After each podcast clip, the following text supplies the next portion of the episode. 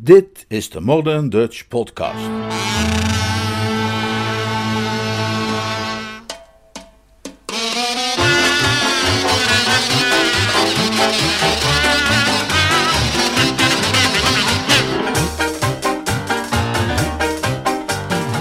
Geluk in de morgen.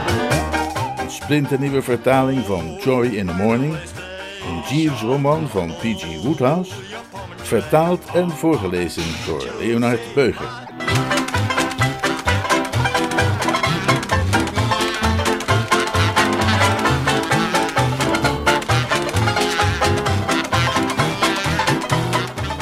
Hoofdstuk 8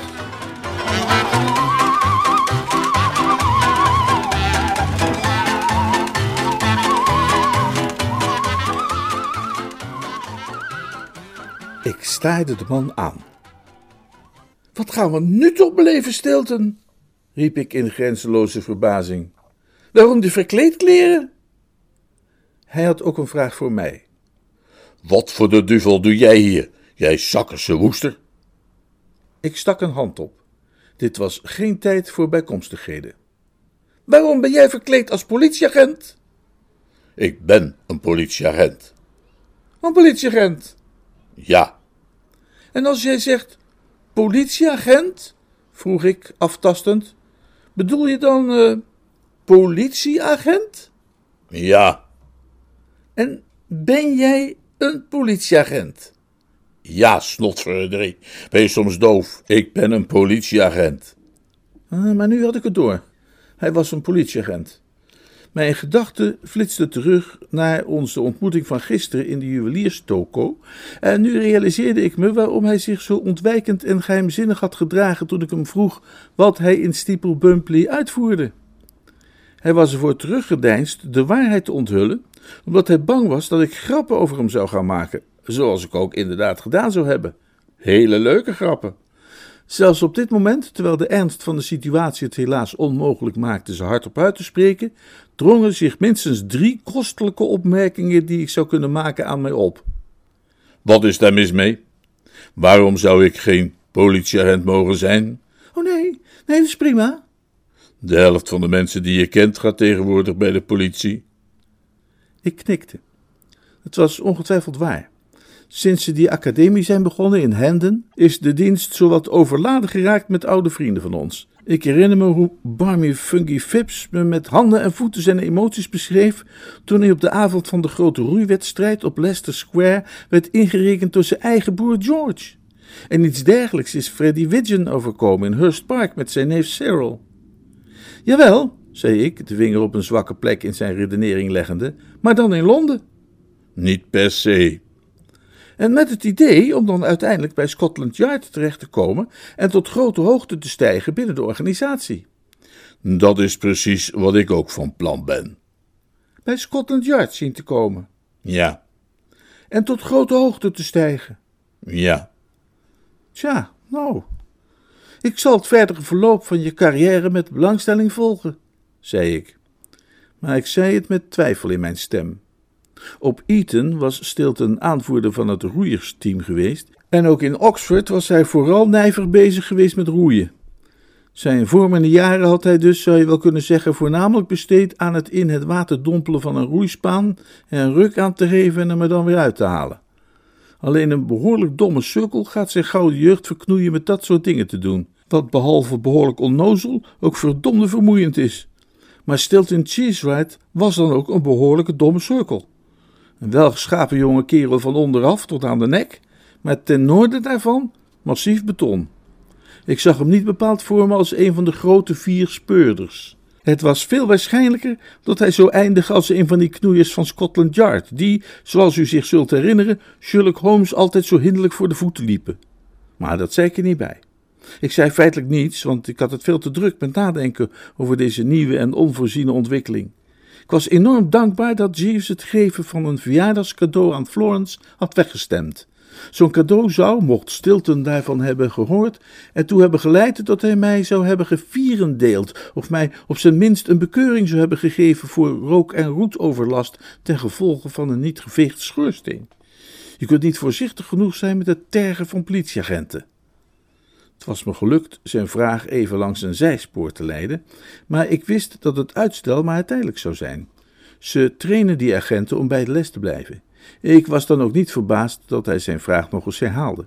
Ik zeg niet dat ik het niet anders had gewild, ik zeg alleen maar dat ik niet verrast was. Goed, maar dat allemaal terzijde. Je hebt me nog steeds niet verteld wat jij in Steeple Bumpley uitvoert. Ik probeerde nog wat tijd te winnen. Uh, nou, kijk, ik, ik logeer hier gewoon een tijdje, zei ik nonchalant, helemaal de bekende zorgeloze Bertram Booster. Bedoel je dat je van plan bent hier te blijven? Nou, een tijdje. Uh, daar ginder ergens is mijn knusse stulpje. Ik hoop dat je regelmatig bij me langskomt als je geen dienst hebt. En waarom heb jij ineens besloten om knusse stulpjes te gaan betrekken in deze landstreken? Ik draaide mijn inmiddels bekende verhaal af. Nou, Jeeves had zin om wat te gaan vissen. Oh ja? Ja, ja, hij zegt dat je hier geweldig kunt vissen. Je zorgt voor een haakje en de vissen doen de rest. Hij had me al een hele tijd op een onaangename, ziedende manier staan aanstaren, met gefronste wenkbrauwen en ogen die uitpuilden tot buiten hun kassen.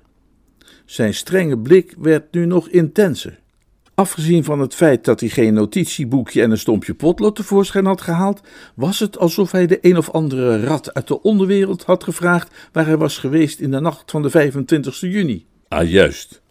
Dat is dus jouw verhaal. Jeeves had zin om een beetje te vissen. Eh, dat is correct, agent. Oh ja? Nou, laat mij jou dan maar eens vertellen wat je werkelijk kwam doen, je kleine valse woester. Een beetje adderen onder het gras. Ik deed alsof ik de betekenis van zijn woorden niet had begrepen, hoewel ik die in werkelijkheid natuurlijk prima had gesnapt. Een beetje uh, wat uh, onder het gras? Adderen. Sorry hoor, maar ik volg je even niet. Dan zal ik het duidelijker maken. Jij bent hierheen gekomen om een beetje achter Florence aan te zitten. Maar beste kerel. Hij knarste met een paar tanden. Het was duidelijk dat hij in een gevaarlijke stemming verkeerde. Ik zal het je maar meteen zeggen, hervatte hij, dat ik geen steek geloofde van wat jij gisteren hebt verklaard, met wat jij zei toen ik je gisteren zag. Je zei dat je Florence wel kende, maar. Heel even, heel even, Stilton. Sorry dat je onderbreek, maar we gaan toch niet de naam van een vrouw zomaar op straat gooien? Ja, dat gaan wij wel. En midden op straat als dat nodig is. Oh, juist, nou. Oh, kijk, ja, nee, ik wilde het alleen maar even weten. Jij zei dat je Florence maar een beetje kende. Tamelijk goed was de exacte uitdrukking die je gebruikte. Maar de manier waarop je erbij keek leek mij nogal verdacht. Dus toen ik terugkwam, heb ik eens met haar gepraat en haar over jou ondervraagd. Ze heeft bekend dat jullie tweeën ooit verloofd zijn geweest. Ik bevochtigde mijn lippen met het puntje van mijn toon. Ik ben nooit op mijn best in een tête-à-tête met de politie. Die lijkt altijd op de een of andere manier wat ze vroeger noemden min mannes moord te onderdrukken. Misschien is het die helm die het hem doet, of mogelijk zijn het die laarzen. En natuurlijk, als een lid van de gendarmerie ervan beschuldigt te proberen zijn meisje van hem af te pikken, wordt het nog een stuk enger. Op het moment van ter perse gaan, met Stiltons ogen die gaten door me heen boorden, begon ik me net Eugene Aram te voelen, vlak voordat ze de boeien om zijn polsen deden. Ik weet niet of u zich die passage nog herinnert. Pom pom, pom pom, pom die pom, pom tidel die ti, vermoeid. Ik geloof tenminste dat het vermoeid was. En Eugene Aram tussen hen met beide polsen geboeid. Ik schraapte de keel en probeerde een sympathieke openhartigheid uit te stralen. Goh, nu het zegt, dat is waar. Nu herinner ik me dat opeens weer. Dat zijn we inderdaad. Lang geleden. Niet zo heel lang geleden. Nou ja, het voelt wel als heel lang geleden. Oh ja? Ja. Is dat zo? Zonder meer. Maar dat is nu allemaal voorbij. Definitief. Er is niets meer tussen jullie. Helemaal niets. Hoe verklaar jij dan dat ze jou een exemplaar van haar roman geeft met daarin geschreven voor Bertie met alle liefs van Florence. Ik voelde mij wankelen. En tegelijkertijd, moet ik bekennen, begon ik nieuw respect voor Stilton te krijgen. Toen hij had gesproken over naar grote hoogten stijgen bij Scotland Yard, had ik daarbij zijn kansen aanvankelijk, zoals u zich zult herinneren, nogal pessimistisch ingeschat. Nu leek het me echter dat hij toch inderdaad wel de kwaliteiten van een prominente detective moest bezitten. Jij had dat boek bij je toen je de juwelierswinkel binnenkwam. Je legde het op de toonbank en toen heb ik erin gekeken. Ik moest mijn opvattingen over zijn speurderskwaliteiten alsnog herzien. Toch niet zo prominent. Sherlock Holmes, zult u zich herinneren, zei altijd dat het niet verstandig was wanneer een detective zijn methoden aan anderen uit de doeken deed. Wat heb jij daarop te zeggen? Ik lachte luchthartig, althans dat probeerde ik. In feite kwam het er meer uit als een doodsgereutel. Oh, ja, dat, dat was heel grappig. Oké, ga verder. Maak me aan het lachen.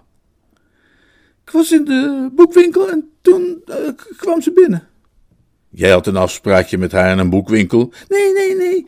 Uh, gewoon een toevallige ontmoeting. Juist, ja. En nu ben jij hierheen gekomen om er nog zo een te regelen. Oh nee, goeie hemel, nee. Verwacht jij nou serieus dat ik zou geloven dat je niet bezig bent te proberen haar van mij te stelen?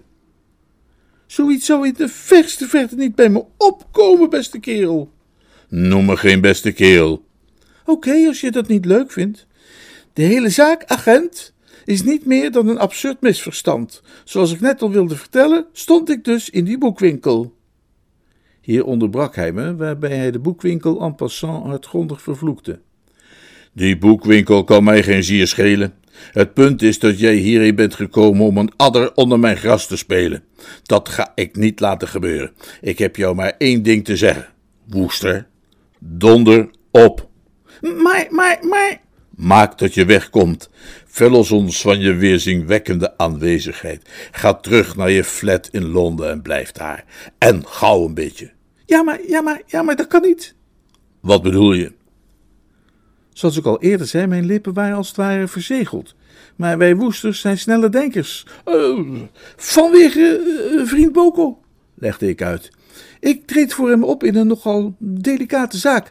Zoals je misschien weet, probeert mijn oom Percy zijn relatie met Nobby onmogelijk te maken. En ik heb het jonge stel beloofd voor hen te pleiten. Dat houdt natuurlijk in dat ik hier moet blijven, om zo te zeggen, in statu. Uh, in statu. Hoe heet het ook weer? Ha! Nee, nee, niet ha. Quo. Quo, dat is het woord waar ik naar zocht. Je kunt niet een serieus goed woordje doen bij een aangetrouwde oom, tenzij je in statu quo bent. Het leek me een slimme en redelijke verklaring en ik was teleurgesteld te zien dat hij er met een onaangenaam lachje op reageerde. Geloof er geen woord van. Jij pleiten? Wat voor nut zou het hebben om jou te laten pleiten? Alsof iets wat je zegt ook maar enig gewicht in de schaal zou kunnen leggen, bij wie dan ook. Ik herhaal, opgeroepeld jij, want anders. Hij vertelde niet wat er dan anders zou gebeuren, maar de dreigende manier waarop hij op zijn fiets sprong en er vandoor peddelde, was veelzeggender dan woorden. Ik denk niet dat ik ooit iemand de trappers heb zien bedienen met sinisterder enkelbewegingen. Ik stond hem nog wat bibberend na te kijken toen uit de tegenovergestelde, of ons Huske richting, het geklingel van een andere fietsbel klonk. Ik draaide me om en daar zag ik Florence naderen. Een mooier voorbeeld van het feit dat een ongeluk nooit alleen komt, heb ik nooit meegemaakt. In scherpe tegenstelling tot die van Stilton glansden haar ogen mij verwelkomend tegemoet. Ze stapte af toen ze bij mijn auto gekomen was en wierp me een stralende glimlach toe. Ga, daar ben je, Bertie. Ik heb in ons huis net wat bloemen voor je in een vaas gezet. Ik bedankte haar, maar met een angstig hart. Die glimlach was me al niet bevallen, en het idee dat ze zich uitsloofde om bloemen op mijn pad te strooien beviel me ook niet. De toon die ze daarmee aanzette leek me al met al veel te vriendschappelijk.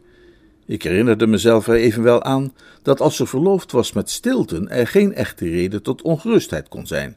Per slot van rekening was haar vader getrouwd met mijn tante, wat ons tot een soort neef en nicht maakte, en er school niet per se iets sinisters in de zorgzaamheid van een nichtje. Het hemd, wil ik maar zeggen, is uiteindelijk nader dan de rok. Ontzettend aardig van je, zei ik. Ik zal net even te praten met Stilton. Stilton? Je verloofde. Oh, Darcy. Waarom noem je hem Stilton? Uh, bijnaam van jongens onder elkaar.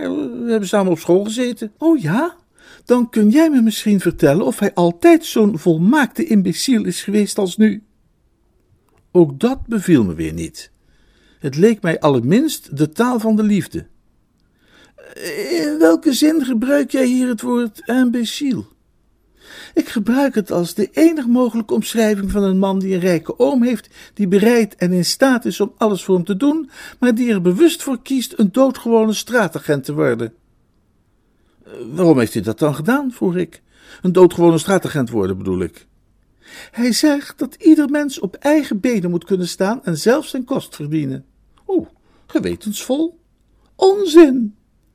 Jij vindt niet dat het hem tot eer strekt. Nee, ik vind het volslagen idioot. Het bleef even stil. Het was duidelijk dat zijn gedrag tot irritatie leidde, en het leek mij dat een woord ter ondersteuning van de jeugdige smeris op zijn plaats was. Want ik hoef natuurlijk niet uit te leggen dat, nu ik weer oog in oog stond met dit meisje, het hele idee van een Stilton Cheese Ride reddingscampagne verder van mij afstond dan ooit. Ik zou gedacht hebben dat je er eigenlijk nogal opgetogen over zou zijn, als bewijs van karakter bedoel ik, van een sterk zielenleven. Zielenleven? Het toont toch dat hij een energieke ziel bezit? Het zou me buitengewoon verbazen te ontdekken dat hij überhaupt een ziel heeft boven die lompe turftrappers van hem. Hij is gewoon eigenwijs. Ik heb eindeloos met hem gepraat. Zijn oom wil dat hij zich kandidaat stelt voor het parlement en is bereid al zijn onkosten te betalen en de rest van zijn leven royaal te financieren, maar nee, hij blijft er koppig als een muilezel bij kijken en babbelt over zijn brood verdienen. Ik ben die hele toestand spuugzat en ik weet echt niet meer wat ik eraan moet doen. Maar goed, tot ziens Bertie, ik moet er vandoor, besloot ze abrupt, alsof het onderwerp haar te pijnlijk was om op door te gaan. En weg was ze Juist op het moment dat ik me herinnerde dat het haar verjaardag was en dat ik een broche in mijn zak had die ik van tante Agatha bij haar moest afleveren.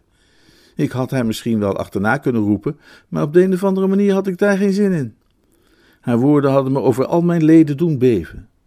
Dat de romance tussen Florence en Stilton op zulke zwakke fundamenten bleek te zijn gegrondvest, had me geschokt. En ik moest enige tijd in statu quo blijven en een paar sigaretten roken voordat ik me weer sterk genoeg voelde om mijn reis te hervatten. Uiteindelijk voelde ik me wat beter en probeerde ik mezelf voor te houden dat het maar om een voorbijgaande strubbeling ging en dat een en ander vast snel weer in orde zou zijn. Ik trok op en een paar minuten later wierp ik het anker uit bij ons Huske.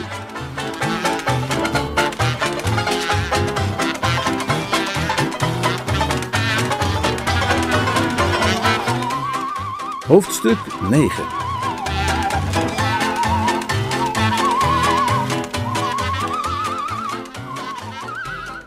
Ons Huske bleek een alleraardigst stulpje te zijn, op een plezierig plekje gelegen.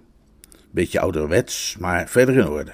Het had een rieten dak en allemaal van die raampjes met glas in lood en een rotstuintje in de voortuin. Kortom, het zag eruit alsof het vroeger bewoond was geweest door een oudere dame van goede familie die katten hield, wat, naar ik later hoorde, ook inderdaad het geval was.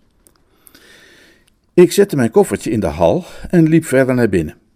Ik keek om me heen en snoof het muffe luchtje op dat altijd in dit soort antieke interieurs lijkt te blijven hangen, en kreeg het gevoel dat hier meer aan de hand was dan zich zo op het eerste gezicht vertoonde.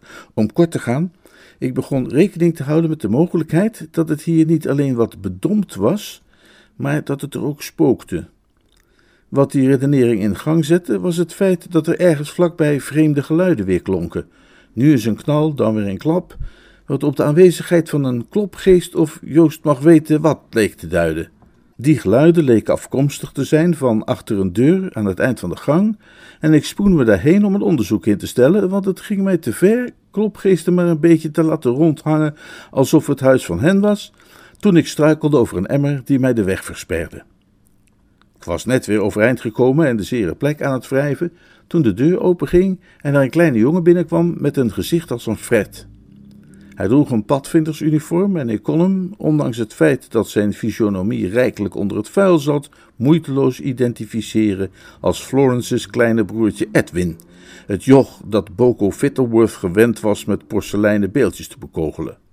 Oh, hallo Bertie, zei hij met een grijns op zijn weerzinwekkende smoelwerk. Hallo, je gruwelijke kleine donderstraal, antwoordde ik beleefd. Wat doe jij hier? Opruimen, ik bracht een punt van fundamenteel belang naar voren. Heb jij die verdomde emmer daar laten staan? Waar? Midden in de hal? Zo, ja, nou weet ik het weer. Die heb ik daar neergezet om hem even uit de weg te hebben. Juist, nou, u zult blij zijn te horen dat ik er bijna mijn been over had gebroken. Zijn mond viel open. Er verscheen een fanatieke gloed in zijn ogen. Hij zag eruit als een jongen die onverwacht een portie roomijs krijgt voorgeschoteld. Zo hé, echt waar? Dat is een bof. Dan kan ik je eerst hulp geven. Nee, dat kan je niet. Daar komt niks van in. Ja, maar als je je been hebt gebroken. Ik heb mijn been niet gebroken. Maar je zei net van wel. Bijna. En dat was bij wijze van spreken. Nou, maar misschien heb je je enkel verstuikt. Ik heb mijn enkel niet verstuikt. Nou, ik, ik kan ook eerst hulp verlenen bij kneuzingen.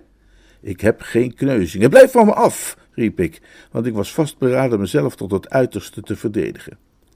Het bleef even stil. Zijn reactie was die van iemand die vreest in een impasse te zijn geraakt. Mijn wakkere houding had hem duidelijk van zijn stuk gebracht.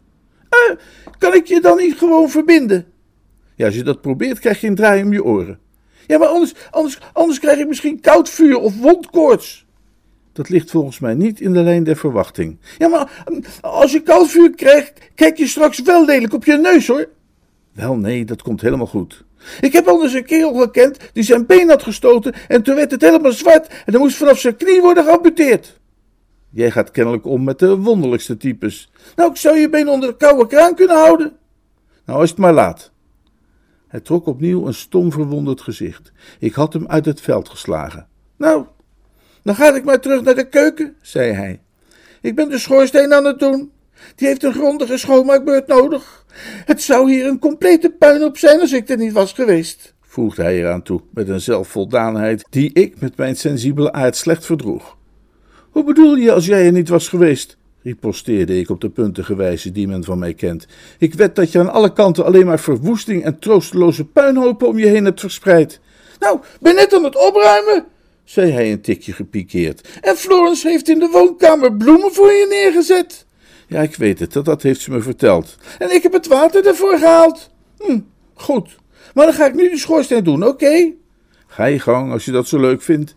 Doe die schoorsteen voor mijn partukje ons weegt, zei ik en wuifde hem weg met een keelgebaar. Nu weet ik niet hoe u een keelgebaar maakt, maar de manier waarop ik dat deed was door de rechterarm op te heffen in een vaag soort saluut en hem dan omlaag te laten vallen tegen mijn zij. En daarbij kreeg ik het gevoel dat er iets ontbrak. In de zak van mijn colbertje, waar mijn pols tegenaan stootte, zou een klein, stevig voorwerp moeten zitten, namelijk het pakje dat tante Agatha mij had opgedragen bij Florence te bezorgen voor haar verjaardag. Maar dat zat er niet. Mijn zak was leeg. Op hetzelfde moment zei het ventje Edwin: Zo! bukte zich en kwam overeind met dat ding in zijn hand. Heb jij dit soms laten vallen? vroeg hij. Alle twijfels die in de geest van het knaapje mochten zijn achtergebleven met betrekking tot de vraag of ik mijn been nu wel gebroken had of niet, moeten zijn weggevaagd door de sprong die ik maakte. Ik vloog door de lucht of het niets was. Een panter had zich niet fraaier en sneller kunnen bewegen. Ik rukte het ding weg uit zijn greep en stak het weer in mijn zak. Hij leek geïntrigeerd. Wat is dat? Een broche. Verjaardagscadeau voor Florence. Oh, zal ik die naar de toe brengen? Nee, dank je wel. Als je wilt, doe ik het hoor. Nee, bedankt. Het, het, het zou jou moeite besparen. Waren de omstandigheden anders geweest, dan had ik die vriendelijkheid van hem waarschijnlijk alleen maar irritant gevonden. En irritant genoeg om hem een schop voor zijn broek te geven. Maar hij had me zojuist een dusdanig belangwekkende dienst bewezen, dat ik de jonge druiloor alleen maar een hartelijke glimlach schonk. Iets wat ik in jaren niet had gedaan. Nee, dankjewel, zei ik. Ik geef dit ding liever niet uit handen. Ik haast me naar de hall en zal het nog vanavond bij haar afgeven. Maar zo zo, kleine Edwin, ging ik minzaam verder. Een knap staaltje werk dat. Ze leren jullie ventjes wel om je ogen goed open te houden. Zeg eens, hoe is het eigenlijk met jou tegenwoordig? Wel goed? Geen last van verkoudheid, kolieken of andere kinderziektes? Mooi zo. Ik zou het heel akelig vinden te moeten horen dat het op een of andere manier niet zo goed met je ging. Heel attent ook van jou om voor te stellen mijn been onder de koude kraan te houden. Stel ik zeer op prijs. Ik wou dat ik je iets te drinken aan kon bieden. Je moet nog maar eens langskomen als ik de boel hier wat meer op orde heb. En op deze hartelijke toon eindigt ons gesprek. Ik kuierde de tuin in en leunde een tijdje over het hekje, want mijn ruggengraat voelde nog altijd een tikkeltje week aan en ik kon wel wat steun gebruiken. Ik zei dat mijn ruggengraat een beetje een weken massa was geworden. En als je mijn tante Agatha zou kennen, zou je direct toegeven dat zulks heel goed mogelijk was.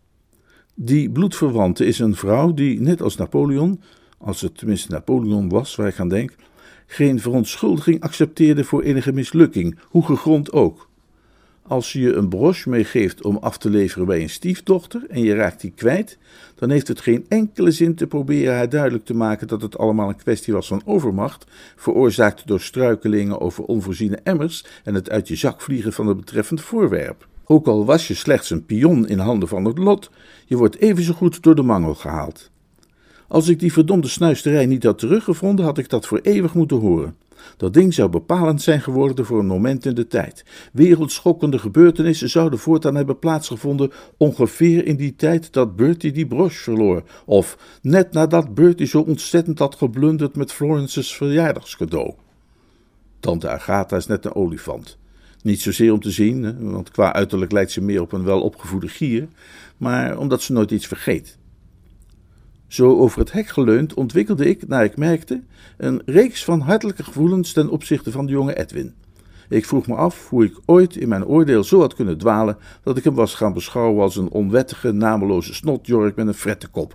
En ik was net met mezelf in overleg over het idee het een of andere presentje voor hem te kopen, als beloning voor zijn bewonderenswaardige gedrag, toen er een luide explosie weer klonk. Ik draaide me om en zag dat ons Huske in lichte laaien stond. Daar schrok ik toch wel behoorlijk van.